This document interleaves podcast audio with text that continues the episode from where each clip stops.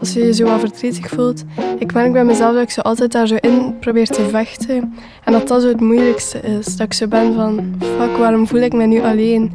En dat gevoel probeer ik zo te zeggen van nee, ik moet mijn gevoelens zo een beetje laten flowen en ik voel wat ik voel. En dat is nu zo.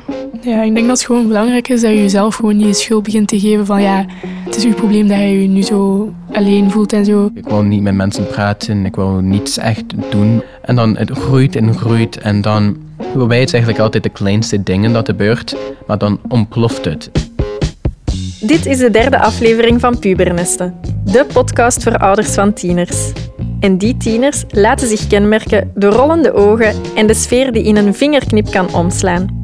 Hoe ga je om met gevoelige onderwerpen en hardnekkige stiltes? Hoe reageer je als verdriet, angst en twijfels aan de voordeur kloppen?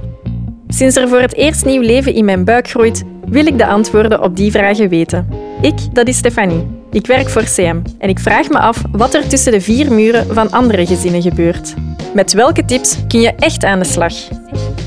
In elk van deze vijf afleveringen duik ik met één ouder en één expert in een veel voorkomende uitdaging bij tieners.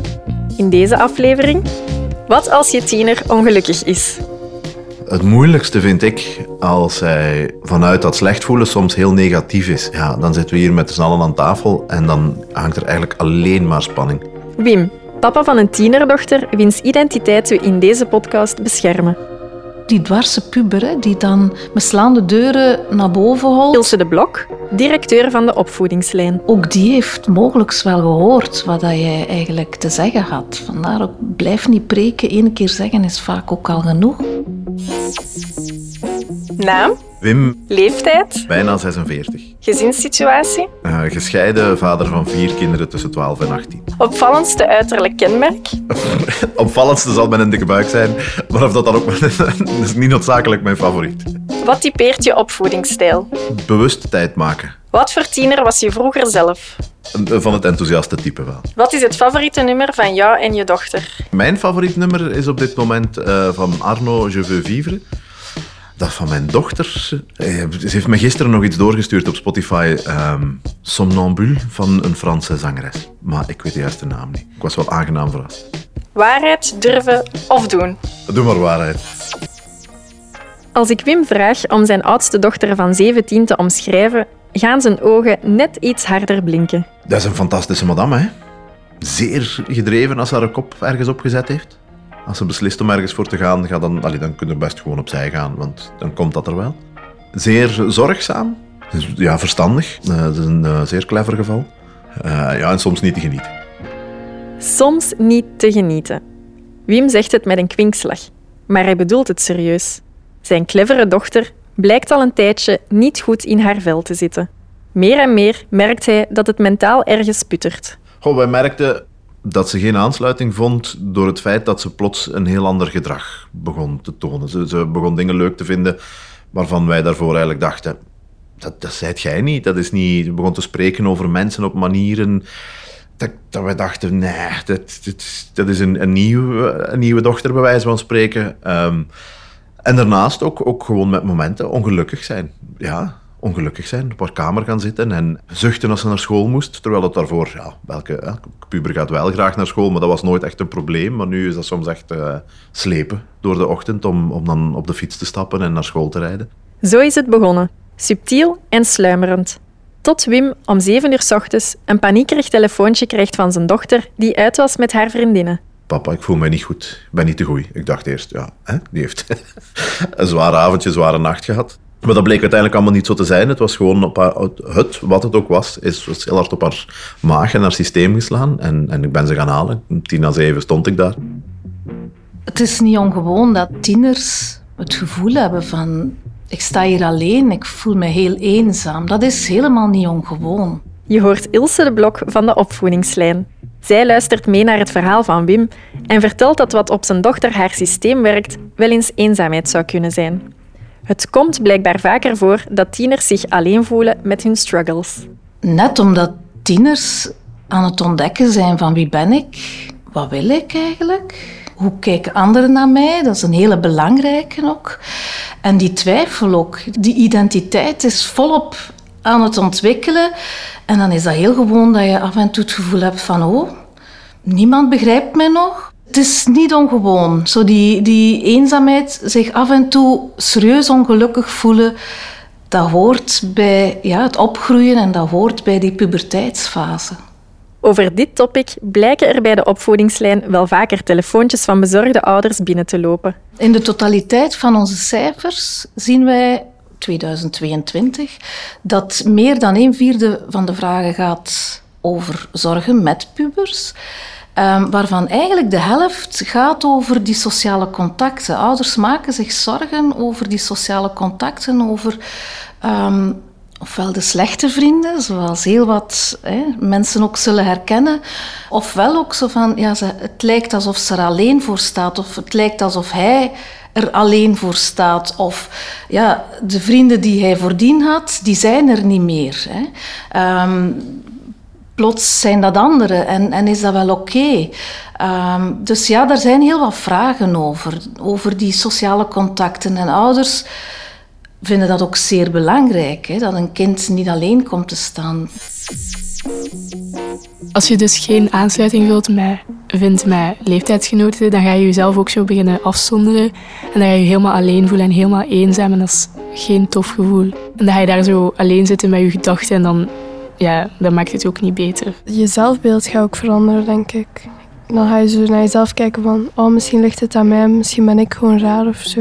Ik denk dat je hebt twee keuzes als je bent alleen. Je, hebt, je kan eenzaam voelen of je kan juist niet jezelf voelen. Ook Wim's dochter heeft het gevoel dat ze niet op dezelfde golflengte zit als haar klasgenoten. Ze zondert zich steeds vaker af en krijgt paniekaanvallen. Tijdens zo'n aanval durft ze al eens overstuur naar haar vader te bellen. Oh ja, als je zo'n telefoon krijgt, je weet, als uw dochter van 16, 17 overdag belt tijdens de schooluur, dan, dan is dat meestal niet om te zeggen dat de zon schijnt, bij wijze van spreken. Dus je zet je als grap op het moment dat, die, dat je op het groene knopje duwt op je telefoon. En dan hoort je gewoon vooral in eerste instantie wenen, hè, huilen, snotteren, snikken, heel snel en, en jachtig ademen zo. En ik voel dan dat ik in een bepaalde modus ga. Ik word heel rationeel. Probeer mij niet te laten meepakken in, in dat verhaal. Ja, ik, ik, focus eerst met haar op haar ademhaling. Uh, zodanig dat hij dat die terug ja, wat rustiger ademt, dat hij dieper ademt, dat hij terug wat meer zuurstof binnentrekt. En dan gaan we even kijken naar van waar kwam het nu? Wat is de concrete aanleiding geweest? En zij is ook altijd degene die zelf zegt, nu ga ik terug. Dus ik blijf gewoon soms aan een telefoon van twee minuten, soms is dat tien minuten. En ineens zegt hij, het gaat, ik ga terug naar de klas. En dan tak die telefoon neer. Ja, schat, ik, hè, doe het goed toch? Ja, nog rap. En dan is die weg. Ja, en dan heb je zo wel even, even tijd nodig. Zo. Je moet dat ook niet groter maken dan het is. Hè? Dat, is niet, dat zijn geen drama's, maar je moet zo wel even... goed, hè, hè uitkijken naar half vier of half vijf, afhankelijk van hoe lang de, de schooldag duurt, tot ze thuis is. Hè. Maar dan moeten we daar vooral niet te veel meer op terugkomen, want dat, ah, is voorbij. Hè. Dat was... Zo. Ja. Bij de dochter van Wim zou het kunnen dat zij stilaan eigenlijk wel beter zichzelf gaat kennen en beter ontdekt wie ze zelf is. En dan is het niet ongewoon dat de aansluiting die voordien jaren eigenlijk probleem of quasi-probleemloos verlopen is, dat zij op een gegeven moment wel voelt van, goh, dat ben ik niet. Voor mij zijn andere dingen belangrijk en ik herken dat niet meer in mijn vrienden, in mijn vriendinnen van voorheen dat het voor haar eigenlijk zelfs heel goed is om afstand te nemen en ruimte te nemen voor zichzelf en te gaan kijken van wat heb ik nu nodig. Het hoeft niet altijd gezien te worden, het zich afsluiten even als problematisch, als dit is helemaal niet oké. Tuurlijk, tegelijkertijd kan dat heel beangstigend ook wel zijn. Hè? Het is dapper om afstand te nemen, maar mogelijk voelt dat ook als zeer eenzaam. En zijn er nu nog wel mensen waar ik wel aansluiting bij kan vinden? Heel veel kans dat dat gaat gebeuren, maar nog net niet nu. En dat is niet altijd gemakkelijk. Het is oké om zoekende te zijn. We zijn allemaal ooit tiener geweest en op zoek gegaan naar onszelf. Ook Wim kan zich ergens wel herkennen in de rollercoaster waar zijn puberdochter in zit. Maar wat ze nu echt exact voelt, daar heeft hij het gissen naar. Je kunt u daar iets bij voorstellen. Jammer genoeg heeft iedereen wel, denk ik wel, momenten in het leven waarop je je heel eenzaam en alleen voelt en, en een beetje de steek gelaten voelt. En, um, Die heb ik ook gehad. Uh, die zijn er nog. Dat is ook oké. Je leert daar ook mee omgaan. Je leert daar je weg in vinden. Maar je weet niet wat het voor haar doet. Hè? Je niet goed in je vel voelen ehm, is eigenlijk ook vandaag in onze samenleving nog een moeilijke. En daar spreken we niet zomaar over. Wim probeert in zijn opvoeding mee te geven dat zijn kinderen alles met hem en hun mama kunnen delen. Als iemand zich niet oké voelt, hoeft hij dat niet te verstoppen. We maken daar geen geheimen van. Nee, ook op school. Ze weten dat. Natuurlijk niet tegen Jan en alle man. Hè. Je, je vertelt niet zomaar altijd alles aan iedereen. Maar uh, aan belangrijke mensen rond haar, die weten het wel. Die weten wel dat ze het moeilijk heeft en dat ze struggelt. En de rest van het gezin uiteraard ook. Hè. Die, die zien dat ook, dat ze soms ineens aan tafel zit te wenen en weggaat. En, en dat ze ook het tegenovergestelde hè. in, in hyper uh, slappe lach duikt als, als uiting van het een of het ander. Wat wel leuker is natuurlijk. Je hebt zo mensen die dat heel goed kunnen verbergen en die spreken daar dan ook niet over, dus dan kun je daar ook niks aan doen. Maar bij sommigen ga je zo een mood switch zien en dan zie je zo dat ze zich zo wat meer afzonderen of dat ze zo stiller zijn dan normaal. Ik denk ook dat het belangrijk is dat je zo niet zo zegt van ja, wat is er eigenlijk met jou de laatste tijd, omdat je dan echt zo een gevoel in hun richting duwt. Wim merkt dat de vrienden van zijn dochter er niet zo mee bezig zijn. Die keer dat zijn dochter hem na een avondje stappen in paniek belde om haar op te halen, bleek niemand van de vriendinnenclub achteraf gepolst te hebben hoe het was met haar. Voor haar is dat wel belangrijk in die zin dat, dat het uitblijven van begrip van mensen waarvan ze dat eigenlijk wel hoopte te krijgen, dat dat, dat, dat dan niet komt. Begrip of, of een beetje betrokkenheid, een bericht, hoe is het, gaat het een beetje, dat komt er zeer weinig. Ik heb al gezegd dat ik ze moet gaan slaan. dat ze maar moet bellen dat ik kom. Maar goed, ja. Het zou ook wel kunnen dat als we het perspectief van die leeftijdsgenoten dan eventjes bekijken, dat dat ook voor die jongeren niet zo gemakkelijk is. Wat mogen we vragen? Wat mogen we niet vragen? Waar mogen we het over hebben?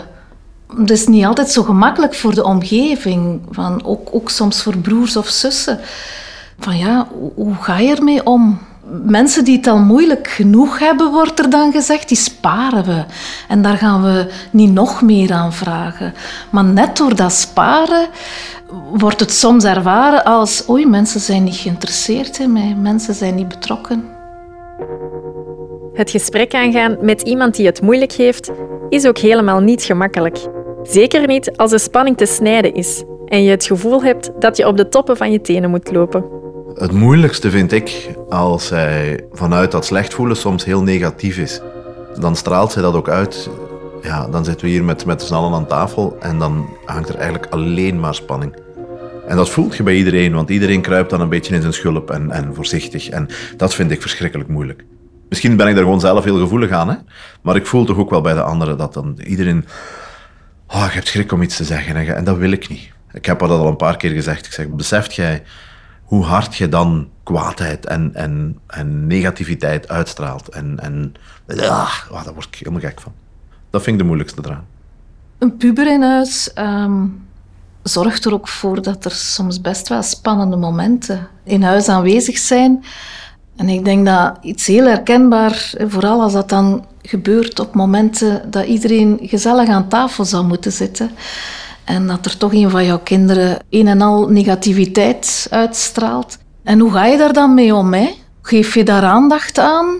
Of negeer je het? Maar wat doe je dan als je om dat kind dat zoveel negativiteit uitstraalt, dan toch ook wel weer zoveel zorg hebt? Hè? Dat al een tijdje aan de gang is. Dan nog is het toch wel belangrijk om ook aandacht te hebben voor die andere kinderen, voor de andere personen, ook voor jezelf. Hè? Om op tijd ook een grens te trekken van ik weet dat jij het moeilijk hebt en met alle begrip daarvoor. Maar nu zijn we hier samen en nu zijn we, wij gaan nu toch wel echt genieten van wat er hier op tafel staat samen. Duidelijk die grens aangeven, dat mag en dat is ook oké. En dat is ook oké voor het kind dat het al zo moeilijk heeft jij bent ook oké en ik vertrouw erop dat jij ook nog rekening zult houden met anderen. En dat is ook een belangrijke boodschap. En uh, met humor, hè. Met humor kan je ook dikwijls die, die lucht doen opklaren. Niet gemakkelijk, want als ouder moet je voortdurend in die balans. Als Wim het moeilijk heeft om de balans in evenwicht te houden, waar kan hij dan terecht? Welke hulp schakelt hij in als het even te veel wordt als ouder van een puber in nesten? Ik heb een vriend, een goede vriend, waar ik daar wel, die ook zeer veel weet daarover. Met een hond en een wandeling. Kan ook helpen. En daar ook gewoon met haar over praten ook. Je mag gerust ook jouw emoties delen als het met jouw kind zeker te maken heeft. Wat we zien bij ouders die zich heel veel zorgen maken rond het mentaal welzijn ook van hun kinderen, die zijn vaak ook geneigd om vooral een kind niet nog meer te belasten, althans zij denken dat dan ook, niet nog meer te belasten met hoe jij je als ouder voelt. Tegelijkertijd is het zelfs heel belangrijk ook om als ouder taal te geven aan jouw emotie, aan jouw ongerustheid. Jouw kind heeft daar iets aan. Ik vond het zelf niet zo heel moeilijk om mijn weg te vinden in de hele hulpverlening. Ik zeg het, mijn oudste is bijna 19, heeft zelf ook al bij een therapeut geweest. Nummer drie ook, ikzelf ook, de mama ook. Dus we maken er ook geen geheim van of geen, geen dingen van. Ik vind dat heel raar dat er nog altijd zo'n een soort van taboe, taboetje soms uh, rondhangt. Ik zeg ook tegen de kinderen, ik zeg als je been breekt, gaat ook naar een dokter. En als de nieuwe kop wat moeilijk loopt, dan zijn er ook dokters die je kunnen helpen. Als dat bij mij zo zou zijn en het zou erg zijn, denk ik dat ik eerst met mijn ouders zou praten, want ik heb een heel goede band met hen. En zij geven ook al altijd heel goed advies en zo, vind ik. Ik schrijf poëzie, dus als ik zo wat mindere gevoelens of zo heb, dan schrijf ik dat in een gedicht neer. En op die manier uit ik mezelf ook. Dus ik ben niet echt iemand die zo direct tegen iemand gaat zeggen van hey, ik voel me minder of zo. Ja, en dan ook wel eens met heel goede vriendin proberen praten. Maar als dat echt zo blijft aanslepen en je voelt je echt heel slecht door, ja, dan wel naar een psycholoog gaan. In een ideale wereld was er geen professionele hulp nodig en dan kon iedereen bij elkaar gewoon terecht. Hè. Alleen, ehm, ja, vandaag in onze complexe samenleving is het niet altijd zo eenvoudig. Ook het opvoedingsproces is vaak nog meer balanceren hè, dan, dan 50 jaar geleden, um, waar, waar we in een hele duidelijke samenleving woonden. Vandaag is dat veel complexer en is het niet altijd gemakkelijk. En dan is het heel mooi dat er therapeuten bestaan waar mensen dan toch terecht kunnen. Maar we mogen absoluut niet voorbij gaan aan, aan de kracht in de eigen omgeving, het eigen gezin, uh, bij familie, vrienden, de buurt. Want dat is een hele belangrijke, hè, dat we bij elkaar terecht moeten kunnen en dat, we, dat, dat ook jongeren daar heel wat hulp kunnen ervaren, maar ook jij als ouder. Hè. Je oor even te luisteren leggen bij iemand anders en daar horen ja, dat dat eigenlijk daar niet veel anders is, dat kan al deugd doen en dat kan al druk van de ketel wegnemen. Wat niet wegneemt dat het ook heel belangrijk is te weten dat, dat jij als ouder, maar ook je kinderen, uh, ook professionele hulp kunnen inroepen van het moment dat je voelt van dit is hier wat te moeilijk voor ons. Um, het is wel nodig om, om toch wel even bij iemand te raden te gaan die er wat, die wat afstand kan nemen. Hè? Of waar mijn kind gewoon kan vertellen wat er op het hart ligt. Ten huize Wim heerst er geen taboe over mentaal welzijn en professionele hulp zoeken als dat nodig is. Toch was het ook voor zijn dochter niet evident om naar een psycholoog te stappen. Ilse benadrukt dat je best zoveel mogelijk je kind in die beslissing betrekt. Al voelt Wim dat hij voet bij stuk moet houden. Ik ben nogal duidelijk in mijn communicatie dan. Ja, dan laat ik relatief weinig ruimte. Want zij had daar absoluut geen, officieel geen behoefte aan. Maar dan overleg ik met de mama en dan zeg ik, wij hebben gebeld en je gaat dan. Ik vind dat ook inherent aan het ouderschap. Dat je af en toe ook gewoon echt durft zeggen, dat is het nu, punt. Om ze daar dan binnen te duwen. Uh, maar van ze echt wel gewoon op school te gaan halen, daar naartoe te rijden en te zeggen, ga nu maar binnen, we gaan er naartoe en je doet daar iets of je doet er niks, dan is dat nu. Maar dan achteraf komt er dan zo'n schoorvoetend... het heeft mijn deugd gedaan. Zo, ja, voilà, dat dan weer wel. En dan, uh, ja. Ja, het is moeilijk als iemand anders voor u beslist dat je hulp nodig hebt. Hè? Uh, dat is niet fijn, hè? Uh, en tegelijkertijd maakt het dat ook gemakkelijker, want dan hoef je het zelf niet meer te vragen, niet meer aan te geven, niet meer te beslissen, niet meer te kiezen. En het enige dat ik vraag is, is het goed geweest? Ja. Oké. Meer vraag ik niet. Dus, allez, ik probeer daar heel hard haar privacy in te respecteren. We hebben nu wel gevraagd, we, de mama en ik, om uh, zelf ook een gesprek te krijgen met de therapeut. En dat komt er nu binnenkort aan en daar zal zij, onze dochter, ook bij zijn. Om een beetje ja, een bepaald moment wil je wel wat gaan weten. Wat is hier nu aan de hand? Wat moeten we? Moeten we daar een diagnose op plakken? Moeten we daar een, een is er iets? Moeten we naar medicatie denken? Moeten we nog verdere stappen? Moet... Dus dat vond ik wel, vind ik het moeilijkste in dat hele therapieverhaal, is dat je als ouder... Je bent chauffeur en bank, hè. Allee, zo. Als je het heel cru stelt, je weet niks, je krijgt heel weinig terug. Zij deelt niet, en dat is haar volste recht. Eh, de therapeut deelt uiteraard ook niet, zonder overleg met. Maar dat is wel moeilijk, ja, want je wilt wel iets doen. Hè. Je wilt wel vastpakken en zeggen, kom, tak, tak, dat nodig is goed, tip, tip, en we beginnen eraan. Maar ja, dat gaat niet. Maar ik ga niet peuteren naar wat er gezegd is, of ik ga niet, eh, ik zeg alleen, als er iets is dat we moeten weten, of als er iets is dat je wilt delen, iets dat je kwijt wilt, zeg enig gil en ik maak tijd. Binnenkort komt er dus een gesprek aan met de ouders, de dochter en de therapeut. Dan hoopt Wim eindelijk beter te begrijpen wat zijn dochter zo ongelukkig maakt. Hij weet dat ze eigenlijk het liefst zou stoppen in het middelbaar en via middenjury haar diploma wil halen. Maar zou het daarmee opgelost zijn? Hoe hard hij ook probeert te vertrouwen op een goede afloop, hij maakt zich erge zorgen. Ja, ik, ik denk persoonlijk niet dat de school aan zich het probleem is. Uh, er, er, zit, er is iets in haar dat wringt. Ik denk dan heel vaak ook aan wat mijn een neef, waar ik vroeger veel mee gereisd heb. Die uh, zei mij altijd, mijn leven is pas begonnen het moment dat ik weg was uit dat klein dorp waar ik opgegroeid ben en dat ik ben gaan studeren en dat, je, dat er een nieuwe wereld voor, voor je open gaat. Ik denk dat dat zeker een rol speelt bij haar. Je moet vertrouwen blijven hebben hè? In, in, in de goede afloop, of om het zo te zeggen. Maar ik moet ook niet flauw. Er zijn momenten dat zij... Ze gaat ook regelmatig wandelen en dan podcast luisteren onderweg. Als die lang weg blijft, dan word ik wel ongerust. Ja. Ik heb daar wel angst voor, ja. Want het gaat soms echt niet goed met haar. En dan, en dan zegt ze, ik ga een uur wandelen. En dan wordt het anderhalf uur. Dat vind ik heel akelig. Ik heb er wel vertrouwen in dat we juiste dingen aan het doen zijn. Dat we juiste ondersteuning aan het bieden zijn. Maar is het genoeg? Is het, is het, is het uh, sterk genoeg? Is het altijd het juiste?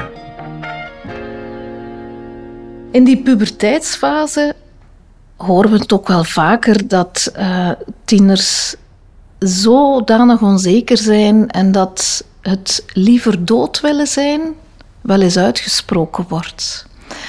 En uh, ja, voor een ouder komt dat ontzettend hard binnen. Want je hebt ook het gevoel van help, moeten we hier iets mee?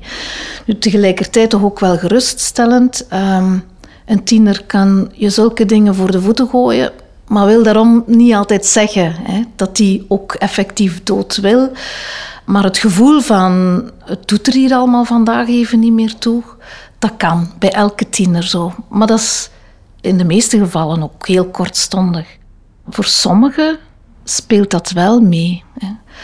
En uh, ja, dan geven wij toch ook wel bij de opvoedingslijn ook mee van vraag dan ook hulp.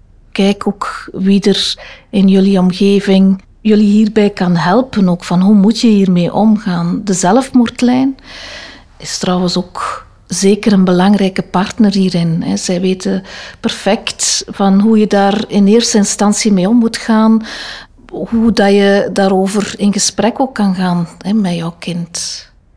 Je kan iets meer doen dan je best, zeggen ze. Ook als ouder. Maar nu Wim's dochter zich ongelukkig voelt, stelt hij zich onvermijdelijk vragen bij zijn eigen rol hierin. Heeft hij wel de juiste keuzes gemaakt in de opvoeding? Had hij dit kunnen voorkomen? Ja, we hebben, we hebben altijd met de beste bedoelingen gehandeld. En, en we hebben een, een, relatief goede scheiding achter de rug. En we komen nog altijd goed overeen. En, maar dat heeft allemaal zijn invloed op, op wie zij nu is en op wie ze alle vier zijn en, en worden. Hè. Dus dat is een, een combinatie van veel factoren. Ja, de opvoedingslijn is er um, voor alle ouders en opvoedingsverantwoordelijken. En als je het even niet meer weet, als je begint te twijfelen van oh, hoe moet het hier verder, ja, dan zijn wij heel graag het eerste klankbord. En dan kan je uh, bellen, mailen of chatten met ons om, om daar je verhaal even kwijt te kunnen. En heel veel van, van de ouders die contact nemen met ons, hebben daar al genoeg mee. Omdat ze het zelf eigenlijk diep van binnen vaak wel weten, maar door het eens te vertellen, door het luidop uit te spreken of het even neer te schrijven, kom je vaak al tot inzichten en, en kan je daarna weer verder om straks, als die puber weer thuis komt, om daar dan weer uh, helemaal mee aan de slag te gaan. Het is goed om te weten dat je bij de opvoedingslijn anoniem terecht kan en daar je verhaal kan vertellen. En soms is er meer nodig en dan kijken we samen met die ouder van wat kan helpen. Voor, voor de jongeren zelf vinden we het ook heel belangrijk om, om ook die kanalen mee te geven waar de jongeren zelf het eigen verhaal kwijt kan, zonder dat ouders het altijd hoeven te weten wat er precies uh, omgaat. En dan geven wij AWEL mee of Theo, want daar kunnen jongeren terecht voor therapie. Het JAK is ook een hele belangrijke voor jongeren zelf. Maar voor ouders geven we dan ook mee als jullie meer hulp willen voor het gezin. Dan is er ook het Huis van het Kind, waar lokaal gekeken kan worden van wat is hier eigenlijk in, in de omgeving. Aan heel wat Huizen van het Kind is ook een eerste lijnspsychologe verbonden. Ik heb lang geleden een tekst geschreven. Ik, ik, schrijf af en toe ook voor Vaderklap. Vaderklap is, een, is eigenlijk een, ja, officieel een VZW, maar is eigenlijk een groep vaders die allemaal vrijwilligerswerk doen, om het zo te zeggen, om gewoon papa's te inspireren. En wij doen allerlei activiteiten en podcast en website en Facebookpagina's en Instagram. En een, lang geleden een tekst geschreven waarin ik mijn, mijn bezorgdheid uitte over mijn opvoeding. In die zin dat ik het ik wil dat het fijne mensen worden, dat het goede mensen worden. En daar even hout vasthouden, ben ik wel in aan het lukken, denk ik. Of we zijn erin aan het lukken. Maar dat ik ook schrik heb dat ze te zacht zijn voor de wereld soms. Dat ik ze, omdat ik, ik, ik heel, erg, heel erg benadruk van empathie en rekening houden met een ander. En ja, je kunt daar ook te ver in gaan, in dat rekening houden met en, en, en gevoelens van een ander naar voren schuiven enzovoort. En die zorg is er wel. Je gaat ook een aantal dingen relativeren. Schoolwerk is belangrijk. Hè? Ze, moeten, ze moeten zich inzetten en ik wil echt dat ze doen wat ze kunnen. Maar het mag niet ten koste gaan van, van, van gelukkig zijn en van, van je goed voelen. En dat is zoeken naar een balans, hè, want ja, er zijn er ook bij die dat ook gebruiken. Hè. Ik word er echt heel ongelukkig van, papa. Mhm. dat zal wel. Maak toch maar je taak. Allee, zo. Al die goede bedoelingen en je kinderen de juiste waarde willen meegeven. Dat gaat ooit opleveren, toch? Ik vraag het nog even aan Ilse. Op het moment dat ze het nest uitvliegen, kan je al een stukje zien vaak van wat dat je eigenlijk de jaren ervoor gepreekt hebt of niet gepreekt hebt. En dat je dan denkt van, ah, tja, dat heeft opgebracht. Je ziet dat niet onmiddellijk, wat je als ouder allemaal doet. Um, vandaar dat we ook zeggen van geduld, heb vertrouwen je kinderen nemen heel wat meer op dan dat, wat dat jij als ouder eigenlijk soms wel denkt. Hè. Zeker ook die dwarse puber, die dan met slaande deuren naar boven holt. Ook die heeft mogelijk wel gehoord wat jij eigenlijk te zeggen had. Vandaar ook, blijf niet preken. Eén keer zeggen is vaak ook al genoeg. Hè. Hoe zie ik de toekomst? Um, ik denk dat de toekomst uh, fantastisch is, maar ook moeilijk gaat zijn. In die zin dat dat ten eerste begint nu uit te vliegen. En nummer twee gaat dan ook niet zo heel lang niet meer zijn. En ik heb de afgelopen, ben nu, wacht even, ik moet niet liegen, 13 jaar gescheiden, denk ik, 13, 14 jaar. Heb ik heel hard geleefd voor hen. Dat mag nu stilletjes aan veranderen. En dat vind ik wel de moeilijke. Ik geniet er ook van, want je krijgt wel ruimte terug.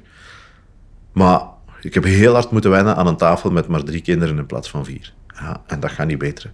Heb er vertrouwen in dat wat dat jij meegegeven hebt, wat dat jullie hebben meegegeven, wat de omgeving heeft meegegeven. Dus niet alleen jij als ouder, en misschien is dat wat geruststellend, dat, dat hoe ouder je kinderen worden, hoe meer mensen ook invloed hebben op, op jouw kind, ook die school, ook, ook de leeftijdsgenoten en goede invloed ook vaak. Heb er vertrouwen in dat dat wel goed komt. Alleen is het zeker in de puberteit vaak niet zichtbaar wat, wat er allemaal al gebeurd is. Hè? Wat, wat er eigenlijk allemaal al, al klaar zit om, om naar buiten te komen op het moment dat ze hun eigen leven gaan leiden. Dit was de derde aflevering van Pubernesten. Eerste hulp voor ouders van tieners. De volgende aflevering gaat over gamen. De tiener van onze getuigen vindt het moeilijk om een evenwicht te vinden tussen de echte wereld en de online gamewereld. Maar eerst nog even dit. Waarheid durven of doen. Wim, jij koos voor waarheid. Wat is jouw guilty pleasure? Een dag dat ik thuis werk, heb ik het soms eh, moeilijk om in de namiddag niet naar uh, Blind Getrouwd Australië te kijken. Love at First Sight Australia. Dat is de beste reeks ever. Ja. Wil je nog meer bijleren over je gezondheid of die van je tiener? Ben je nieuwsgierig naar opvoedingsondersteuning of mentaal welzijn? Het hele jaar door volg je bij de CM Gezondheidsacademie betrouwbare en kwaliteitsvolle infosessies, webinars, workshops en cursussen. En wist je dat CM ook een deel terugbetaalt bij psychologische zorg? Surf naar cm.be voor het volledige aanbod. Met dank aan de opvoedingslijn voor hun medewerking en expertise. En natuurlijk dank aan de jongeren die opnieuw heerlijk zichzelf waren en eerlijk en vrij uitspraken. CM heeft ook nog een jongerensite, maar daar maken de jongeren uit deze aflevering zelf reclame voor. Nee, wacht, nee, wacht, nee, wacht. Ik moet beginnen. Really? Really? Het internet is zo groot dat je soms niet weet. Waar je betrouwbare info kunt halen. Ouders, tip uw kinderen. De jongenssite van CM. Daar staan heel veel handige tips en tricks. En straffe getuigenissen van tieners. Nee. Dat is een, dat is een bad bitch, jij weet het. Really? Really? De research was in handen van Marion Awesomes. Marion Awesomes en Marjolein Cuvelier stelden het script samen. Eindredactie werd gedaan door Stefanie Lemmens. Montage door Marjolein Cuvelier en Wederik de Bakker. Het verhaal dat je hier hoorde is een persoonlijke getuigenis. Heb je zelf vragen over je gezondheid of die van je tiener?